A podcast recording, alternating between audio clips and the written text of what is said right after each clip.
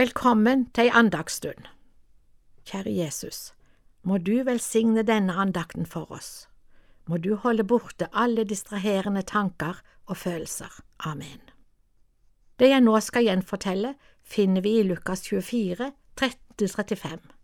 Det er påskedag. To menn, den ene het Kleopas, hva den andre het, veit vi ikke. Disse to var på vei fra Jerusalem til landsbyen Emmaus, en strekning på 60 stadier som er tolv kilometer. De gikk og snakka sammen om det som hadde skjedd i Jerusalem disse tre siste dagene. Sikkert nokså triste og sorgfulle. Plutselig, mens de gikk der og snakka, kom Jesus selv og slo følge med dem. Hva er det dere går og diskuterer så ivrig? undret Jesus. Da sto de stille og så på han med sorg i blikket, du må være den eneste som har vært i Jerusalem og som ikke har hørt om det som har skjedd der de siste dagene. Hva da, sier Jesus, og så begynner de å fortelle. Øynene deres ble holdt igjen, så de ikke kjente han igjen, står det i vers 16. For denne andakten har jeg valgt temaet Når Gud blir borte. Jesus var blitt borte for disse to Emmaus-vandrerne. Jeg er heldig, hittil har jeg aldri opplevd at Jesus er blitt borte for meg, at Gud er blitt borte for meg, men jeg har møtt mennesker som har opplevd det. Hvor fælt og trasig det kan oppleves, forstår nok bare den som sjøl har erfart det. Bibelen forteller om troshelter som har opplevd dette, for eksempel kong David og Jobb. David, en mann etter Guds hjerte, Jobb var en uklanderlig og en rettskaffen mann som fryktet Gud og holdt seg borte fra det onde. Begge disse hadde perioder av livet da de opplevde at Gud var fraværende. Hvordan møtte Jesus Emmaus-vandrerne? Jo, han vandra sammen med dem, han lytta og lot de fortelle det som fylte hjertene deres. Her tror jeg at vi alle sammen har mye å lære. I sjelesorgen snakkes det mye om å lytte, lytte aktivt. Det er viktig at den som kommer til sjelesorg eller til en venn, får fortelle om det som er vanskelig.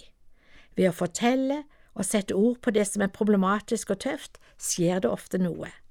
Vi kan da få kontakt med følelser, se nye løsninger. Det er vel ikke for ingenting at vi er født med én munn og to ører. Både innen sjelesorg og i andre mellommenneskelige relasjoner er det uhyre viktig å lytte.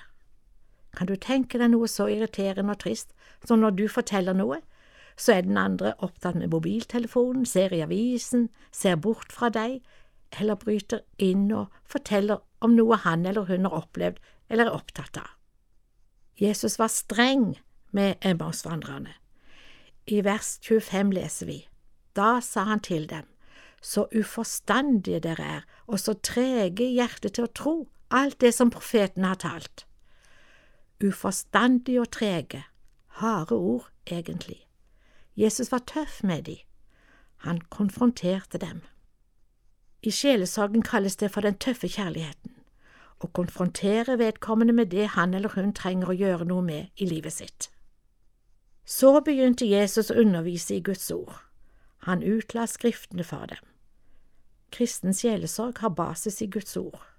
For kristne mennesker er det Bibelen som skal være retningsgivende. Jeg tror knapt det finnes den livssituasjon som ikke omtales i Guds ord. Da de nærma seg Emmaus, lot Jesus som om han ville gå videre. Det har jeg syntes har vært litt rart. Hvorfor gjorde Jesus det? Jeg har ikke noe godt svar. Men Jesus ble med inn etter å ha blitt nøda til det, og det skjedde da han satt til bords med dem, da tok han brødet, velsignet det og ga dem. Da ble deres øyne åpnet, og de kjente Jesus igjen. Like etterpå ble Jesus borte. Hva skjedde? I vers 32 står, og de sa til hverandre, brant ikke vårt hjerte i oss da han talte til oss på veien og åpnet Skriftene for oss? Guds ord er levende. I Johannes 6,33 står, De ord jeg har talt til dere er ånd og er liv. Guds ord kan skape noe nytt. Ved å lese eller høre Guds ord kan vi få se vår synd, se og oppleve syndenes tilgivelse, få trøst, få nytt håp, nytt mot, ny fremodighet osv., osv. Emmaus-vandrerne fikk det travelt med å fortelle det som hadde skjedd med dem. Hva med deg og meg når vi opplever at Gud er blitt borte for oss? Og hvordan kan vi møte mennesker som opplever at Gud er blitt fjern, kanskje borte for dem? Vi skal få klage til Gud. Han vil ha sannhet. Han tåler vårt sinne. I møte med andre, la oss ha Jesus som vårt eksempel. Han lytta, han gikk sammen med Emmaus-vandrerne, han konfronterte dem og brukte Guds ord. Gode bibelvers til eget bruk og i møte med mennesker som opplever fravær av Gud. Da vil jeg nevne Jesajas 54,10. For fjellene kan vel vike og haugene rokkes, men min miskunnhet skal ikke vike fra deg, og min fredspakt skal ikke rokkes, sier Herren, Han som forbarmer seg over deg. La oss òg ta med Jobb 35,14. Også når du sier at du ikke ser ham, så ser han nok din sak, og du må vente på ham. Herren velsigne deg og bevare deg. Herren la sitt ansikt lys over deg og være deg nådig. Herren løfte sitt åsyn på deg og gi deg fred. Amen. Det sa Synnøve Spanne i Over en åpen bibel i dag. Serien produseres av Norea Mediemisjon.